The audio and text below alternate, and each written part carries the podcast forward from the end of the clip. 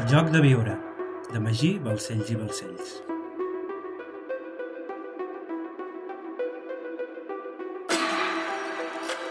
Capítol 3.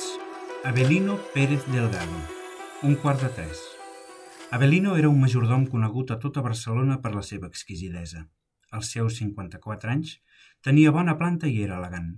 Sempre vestia igual, amb el jaquer reglamentari, pantaló gris merengo a ratlles negres, camisa blanca coll wing i de puny doble, corbata negra amb nus Windsor, armilla grisa plata, levita negra, sabates negres de cordons, guants de cotó blancs i rellotge de cadena a la cintura.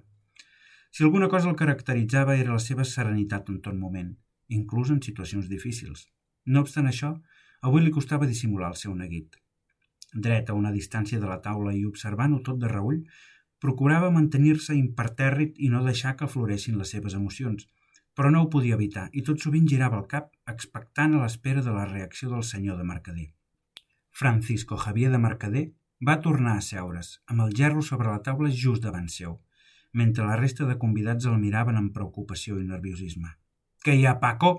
Vols fer el favor de parlar?» va cridar Joaquim Milans del Bosc a Francisco Javier. Francisco Javier, mut, amb cara de consternació i sense parar atenció en què tothom l'estava mirant, es va aixecar un altre cop i es va dirigir al gramòfon per aturar el so de l'òpera Carmen. S'ha acabat la festa, va dir Francisco Javier mirant a l'infinit. Paco, què hi ha? va dir Milans del Bosc al sense. Lluïsa Llorac, veient l'actitud del seu marit, va agafar el gerro sense més ni més i va mirar expectant a l'interior. Hòstia! va exclamar aterroritzada. Què hi ha, Luisa? va preguntar Milans del Bosc. Lluïsa el va mirar i després d'un petit silenci que es va fer etern, va respondre. Un dit, un dit amb un anell. De sobte un murmuri d'incredulitat es va fer present a la taula. Lluïsa es va aixecar, va agafar un tovalló i va introduir-lo dins la gerra. Just en aquell instant es va fer el silenci. Amb molta cura va intentar posar el dit entre el tovalló i a poc a poc el va treure de la gerra mentre tota la taula la mirava amatent. Va deixar el tovalló sobre la taula va apartar el teixit i allà estava, un dit arrencat a l'altura de la tercera falange. Sense poder-ho contenir, Isabel, que era al costat, va sentir una arcada repulsiva i es va posar la mà davant la boca per evitar vomitar, mentre tots els convidats s'aixecaven per mirar-lo. No pot ser! va exclamar Joaquim Milans del Bosc contemplant el dit. És el dit del meu fill! Què? va cridar la seva esposa. Es va alçar molt nerviosa i es va posar davant per observar-ho. Lleva el anillo de Jaime, va dir Milans del Bosc a la seva esposa, referint-se al seu fill. Maria Teresa Núñez del Pino es va posar prop al dit. Va clocar els ulls per millorar la vista i a l'instant va fer que no amb el cap. Va mirar el seu marit i va dir «Este no es el dedo de mi hijo. El anillo sí que es suyo, pero, pero el dedo no. Creo que no. Conozco las manos de Jaime. ¿Estás segura, Tere?» li va preguntar Milans del Bosc a la seva esposa.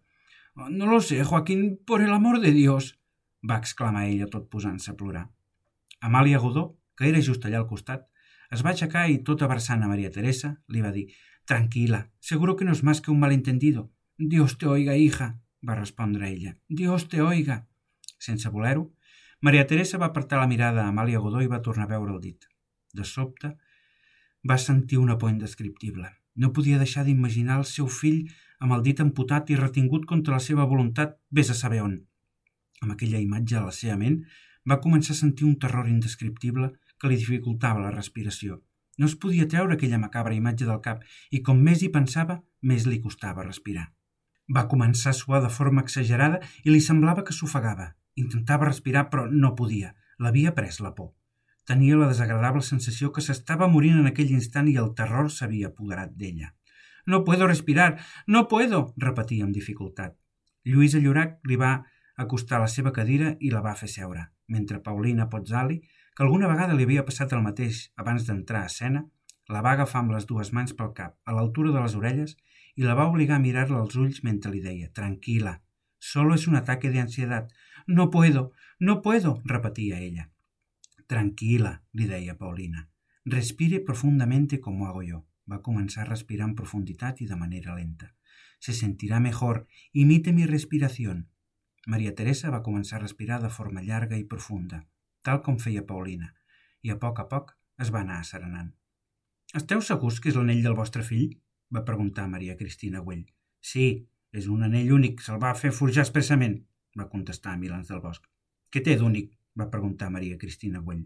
El gravat del segell, cinc fletxes i dos jous lligats amb tres nusos gordians, va dir Milans del Bosc. Què significa? va preguntar Maria Cristina. Segons ell, significa el futur d'Espanya, va respondre Milans del Bosc. Quan és l'últim cop que has vist el teu fill, Joaquim? li va preguntar Arnaldo de Mercader. El dilluns. Dilluns eh, vaig parlar amb ell per telèfon, va respondre Milans del Bosc. Però des de dijous que no hi ha manera de localitzar-lo, ni a casa seva ni a l'acadèmia militar. On és? A Madrid? va preguntar Joan Antoni Güell. No, a Saragossa, va respondre Milans del Bosc. Teniu telèfon aquí, Isabel? Voldria posar-me en contacte amb el meu fill. No, això no és Barcelona, no tenim telèfon ni electricitat. Eh, som al mig del no-res, va dir la senyora Isabel. El telèfon més proper és a Santa Coloma de Caral. Doncs hi anirem immediatament per contactar amb el, amb el Jaime, va dir Milans del Bosc mirant a la seva esposa. Paulina i Lluïsa van ajudar a aixecar-se Maria Teresa i aquesta i Milans del Bosc es van acostar cap a la porta mentre tothom s'aixecava de la taula per acomiadar-los. M'obriu, si us plau? va dir Milans del Bosc. La porta està tancada, senyor, va respondre Belino. Tomassa, avisa el Ramon que porti les claus, va ordenar a una de les criades, la jove i vella cambrera que havia despertat passions entre el públic masculí. Per què heu tancat la porta? va preguntar Isabel Güell. Per seguretat, va contestar Belino. Es troben aquí reunides les famílies més importants del país, senyora. Aquesta també està tancada, va dir Antoni Maria Jové en referència a la porta que donava al jardí. Diversos homes es van apropar a la porta i van provar d'obrir-la, però estava tancada. En aquella gran sala rectangular hi havia exactament cinc portes, la d'entrada, a la paret oest, la del jardí, a la paret est, dues portes a la paret nord, la paret decorada amb el cèrvol, i una a la paret sud, la decorada amb l'àguila. Antoni Maria Jové es va dirigir a la porta de la paret sud, que es trobava propera a una de les armadures, i va provar d'obrir-la amb èxit, observant el llarg passadís que conduïa a la sala de la xamaneia, al bany, la biblioteca i el despatx. Mentrestant, Isabel estava molt nerviosa i no sabia què dir, alhora que Francisco Javier de Mercader estava en xoc, assegut a la seva cadira mentre la seva dona el consolava. La resta de convidats estaven drets, parlant en veu baixa entre ells, tret de tres homes que continuaven asseguts, tot bevent compulsivament per matar els nervis. Seguint amb les portes, Antoni Maria Jové va mirar les dues portes de la paret nord. Una es trobava tocant a les plantes, a la part dreta, i era la porta que conduïa a la cuina, al celler i al rebost. Aquesta porta havia estat en tot moment oberta, però just a l'altre cantó de la paret esquerra hi havia una porta que donava pas a les escales que conduïen cap al primer pis. Per aquesta porta havia vist sortir la senyora Isabel Llorac just abans que arribés Cambó, però des de llavors no s'havia tornat a obrir. Es va acostar i tot provant d'obrir-la va dir aquesta porta està tancada. Com? va dir la senyora Isabel Llorac, sorpresa. Entretant, Maria Cristina Güell anava recollint els paperets del joc i els ordenava per veure millor el missatge. Senyor, va dir Ramon Gasol, el mosso de claus a Avelino, les claus no hi són. Com? va dir Avelino. No són a l'armari de les claus? No, senyor, va contestar Ramon. No les deus haver deixat en algun altre lloc? li va preguntar Avelino. No, Just quan ha arribat l'últim convidat les he deixat a l'armari de les claus i ara no hi són, va respondre Ramon. Estem tancats i sense claus? va preguntar Joan Antoni Güell. No hi ha més portes que aquestes dues? va preguntar Josep Bertran i Mosito. Hi ha una porta a la cuina, va respondre Avelino. Al moment, Avelino es va dirigir a la cuina conjuntament amb, Joan Antoni Güell i Josep Bertran, mentre la dona de Milans del Bosc començava a plorar i la resta de convidats la miraven amb pena. No entenc res. Com és possible? va dir Isabel Llorac mirant a l'infinit. Tranquil·la, Isabel, li va dir Paulina Pozzali, amb el seu melòdic accent italià, tot agafant-la de l'espatlla. Segur que tot és una broma de mal gust. Una broma? va dir Isabel Llorac amb contundència. Hi ha un dit humà. Algú li han amputat un dit i l'han deixat aquí a casa nostra. És monstruós. Està oberta? va preguntar Milans del Borg, veient que tornava Belino. Està tot tancat, va respondre Joan Antoni Güell, resignat. I per alguna finestra? va preguntar Milans del Bosc. Això és un castell. Totes les finestres estan enreixades, va respondre Francisco Javier, aixecant-se de la cadira. Sense les claus no podem sortir d'aquí. Estem presos, va dir Avelino amb autoritat. I les nostres maletes? va preguntar Amalia Godó. Són aquí al castell? El majordom les ha portat al cotxe, va contestar-li el seu marit, Josep Batlló. Les maletes? va preguntar Milans del Bosc. Sí, hem passat la nit aquí, va contestar Josep Batlló. Vam arribar ahir a la tarda. Si em disculpeu, he d'anar al bany, va dir Consuelo Jové, nerviosa. Jo t'acompanyo, va dir el seu marit, Eusebi Güell. Escolteu, escolteu, va dir Maria Cristina Güell, trencant la conversa. He ordenat els paperets del joc per poder-lo llegir bé, tenint en compte les comes i els punts. Crec que és important que el llegim adequadament una altra vegada, es va aclarir la gola. Escolteu, avui jugarem tots, us agradi o no. Vulgueu o no, haureu d'arribar fins a l'últim plat si voleu salvar la vida d'un dels vostres fills. No és cap broma. Així com vosaltres ens exploteu sense miraments, nosaltres avui us farem treballar i haureu de provocar les vostres misèries per redimir-vos. Un fill vostre és captiu i morirà si no seguiu el joc. A cada plat trobareu un sobre amb més instruccions. Juguem? No proveu de marxar, està tot tancat. No proveu d'avisar la policia, si l'aviseu el vostre fill morirà. Seguiu el joc i enfronteu-vos al que sou. Burgesia catalana, gent esnop i fatxenda que només mira per la seva butxaca, addicta a la morfina, al luxe sumptuós, a les pistoles del sindicat lliure i a l'explotació, nets de negrers indignes, fills de polítics corruptes, pares del tràfic de favors, suborns i extorsions. Voleu jugar? Un dels vostres fills morirà si no seguiu el joc. És el fill d'un prestigiós militar, amic de Martínez Anido i el sometent, i com que no creieu en res més que els diners i el vostre honorable nom, Aquí us deixo una prova perquè us prengueu el joc seriosament. Un pom de roses reposa a la taula. Busqueu a dins i trobareu un record. I es pot saber què ha canviat? va preguntar Josep Bertran i Mocito a la seva esposa. Jo ja ho havia entès a la primera. Veure el dit ens ha impactat a tots i no hem centrat els nostres sentits a buscar l'autèntica pista, va dir Maria Cristina. Què vols dir? va preguntar el comte de Godó. Isabel, has dit que el joc te'l van enviar fa uns dies, oi? va preguntar Maria Cristina. I si t'ho van enviar fa uns dies, com sabien que hi hauria un pom de roses a sobre la taula? Immediatament, tothom va mirar a Isabel amb actitud inquisitiva. No sabíem quines flors hi posaríem fins ahir a la tarda, va respondre Isabel. Ens les ha facilitat el Ramon Gasol d'un pagès del poble avui al matí. On és el Ramon, Aniceta? va preguntar Francisco Javier a la minyona més vella. Buscant les claus, senyor, va respondre ella. Avisa el que vingui, va ordenar Isabel Llorac. La persona que ha enviat el joc sabia que hi hauria un gerro amb roses i crec que hi ha molt poca gent amb aquesta informació, va dir Maria Cristina Güell. De fet, no és que surti en defensa de ningú, però tots els que heu assistit a casa meva a Barcelona a dinar o a sopar haureu comprovat que sempre hi ha un gerro amb roses presidint la taula, va dir la senyora Isabel Llorac. Tens raó, Isabel, però així tot el dit a dins, la gerra només el pot haver posat algú que l'hagi tocat, no? va dir Antoni Maria Jové. De sobte va arribar Ramon Gasol i totes les mirades es van centrar en ell. D'on has tret les flors, Ramon? va preguntar-li Isabel Llorac. Me les ha donat l'hereu de Cal Suau, va respondre ell. Les has posat tu dins el gerro? va inquirir al moment Francisco Javier de Mercader. No, va respondre Ramon. L'Avelino em va dir fa dos dies que busqués roses i quan avui al matí les he portat els hi he donat a ell. Sí, va respondre Avelino amb autoritat, alhora que tothom el mirava. Me les ha donat a mi i jo les he posat dins el gerro. I també has estat tu qui ha posat el gerro sobre la taula? va preguntar-li Isabel amb desconfiança. Sí, senyora, va respondre Avelino. Has estat tu qui ha posat el dit a dins, Avelino? Va preguntar-li Francisco Javier. Jo? va dir Avelino. Però, però com, com podeu pensar això de mi, senyora? No pot ser. Me'n faig creus, Avelino, va dir-li Isabel Llorac amb llàgrimes als ulls. Com has pogut? Però com podeu pensar que he estat jo, senyora? Fa 22 anys que treballo per la vostra família, va dir Avelino. Senyor Güell, vostè també em coneix. Sap d'on vingui els favors que la meva família i jo mateix hem fet a la vostra. Avelino tenia 54 anys. Havia nascut el 1869 a Azuel, un petit poble de la comarca de Los Pedroches, a la província de Còrdoba. Però només 4 anys va marxar amb els seus pares cap a Barcelona per provar sort, com molts altres companys andalusos. Barcelona era una ciutat en ple auge que en menys de 50 anys havia passat de ser una tapaïda, bruta i petita ciutat de província a convertir-se en una gran urbs burgesa, l'avantguarda econòmica d'Espanya i, sens dubte, una de les capitals industrials d'Europa. Creixia a un ritme tan trepidant com desigual, i si a principis de segle tenia 500.000 habitants, arribant als anys 20 s'arribava quasi al milió.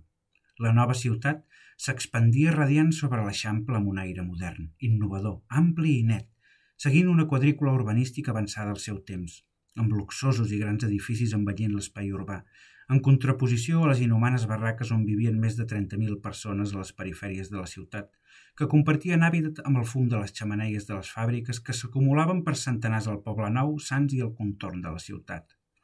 alhora que les indústries donaven els rèdits necessaris per aixecar grans edificis burgesos al Passeig de Gràcia i l'Eixample, les pèssimes condicions laborals de centenars de milers d'obrers, encara que molt precàries i miserables, superaven a les condicions de vida rurals i atreien cada cop a més gent que s'atapia en pisos rellogats de barris humils o en barriades de barraques mal comunicades i sense cap mena de servei.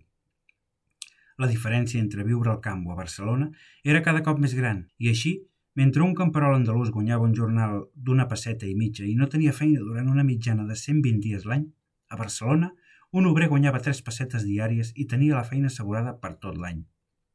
En aquestes condicions, cada cop més gent abandonava el camp per anar a la ciutat i Barcelona va començar a rebre gent vinguda d'arreu de Catalunya, però també i sobretot de la resta d'Espanya, creixent de forma vertiginosa i en alguns moments desorbitada fins a convertir-se en una veritable metròpoli industrial.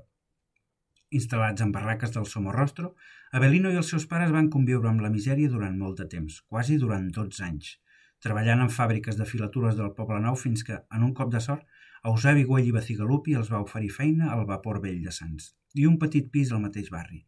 A partir d'aquell moment, Avelino va tenir la possibilitat d'aprendre mitjançant un mestre que oferia classes als fills dels obrers del senyor Güell i va aprendre a llegir i escriure, alhora que també treballaven al vapor per ajudar els seus pares. Deu anys més tard, amb motiu de la inauguració de la colònia Güell, la família es va traslladar a la colònia on el senyor Güell els havia assegurat feina i casa de per vida. A Avelino, que en aquell temps comptava quasi 26 anys, van oferir-li la possibilitat de servir com a cambrer en l'Ateneu de la colònia, fet que li va permetre conèixer la família Güell sencera.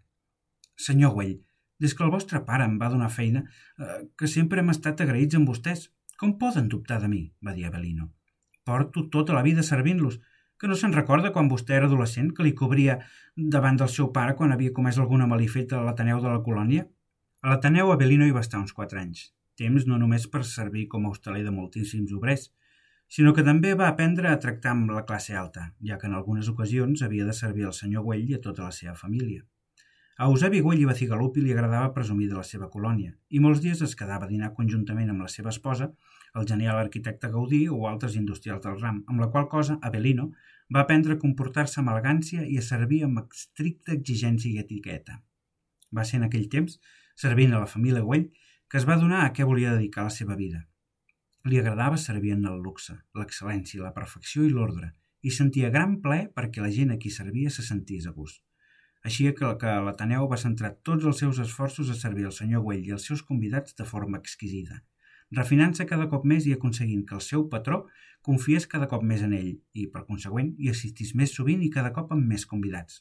Fins que un dia, la mare de la senyora Isabel Llorac, Concepció Dolça de Llorac, ja vídua, el va conèixer en una visita a la colònia amb la seva amiga Isabel López Brou, la dona del senyor Güell i filla del marquès de Comilles. La senyora Concepció va quedar tan meravellada del tracte de Belino que li va oferir la possibilitat d'entrar a treballar al servei de casa seva, en aquell temps a l'Institut Frenopàtic de les Corts. Allà va treballar durant quatre anys, sota la direcció del majordom, el senyor Francesc de Llémena i Oriol, baró de Farena. El baró de Farena havia crescut en el si d'una família aristocràtica arruïnada i s'havia dedicat a servir a la nova alta burgesia per instruir-la en el bon gust. En el seu cas, havia treballat per diverses famílies burgeses, però des que Pablo Llorac el va contractar el 1886, havia treballat per la família Llorac. Francesc de Llémena va ensenyar tot el que sabia a Belino, conèixer i seguir les bones maneres i costums, planificar i dirigir la resta del personal del servei, tractar a cada membre de la família de manera individual i amb igual respecte, la importància de la lleialtat envers la casa, prestar ajuda als senyors en totes les formes possibles sense arribar en cap cas a ser servil i mantenir un comportament professional sense arribar mai a la familiaritat.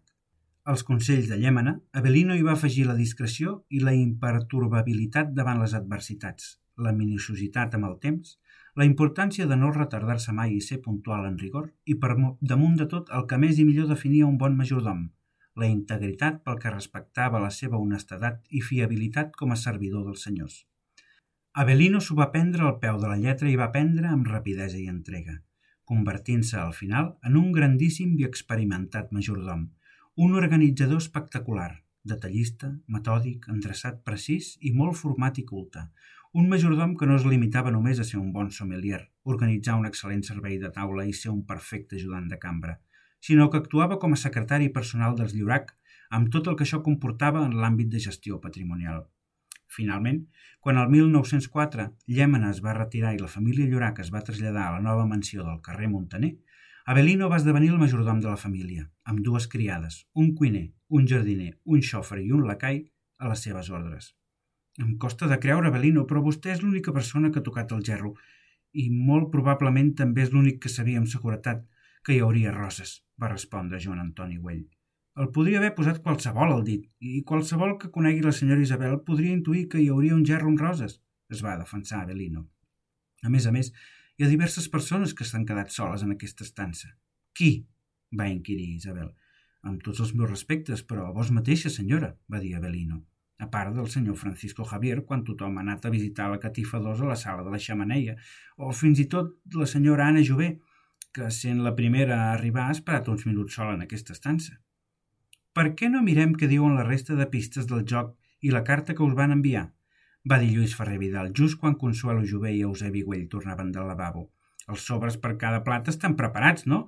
Obrim-los i veiem de què es tracta. Aquí hi ha un dit amb l'anell del fill dels senyors Milans del Bosc, però la mateixa senyora Maria Teresa té dubtes sobre si és el dit del seu fill. Llegim la resta de pistes per veure de què es tracta. Abelino, Porti les pistes, va dir la senyora Isabel Llorac. Gràcies per escoltar-me. I recorda, tindràs dos nous capítols el pròxim dimarts. El joc de viure, de Magí, Balcells i Balcells.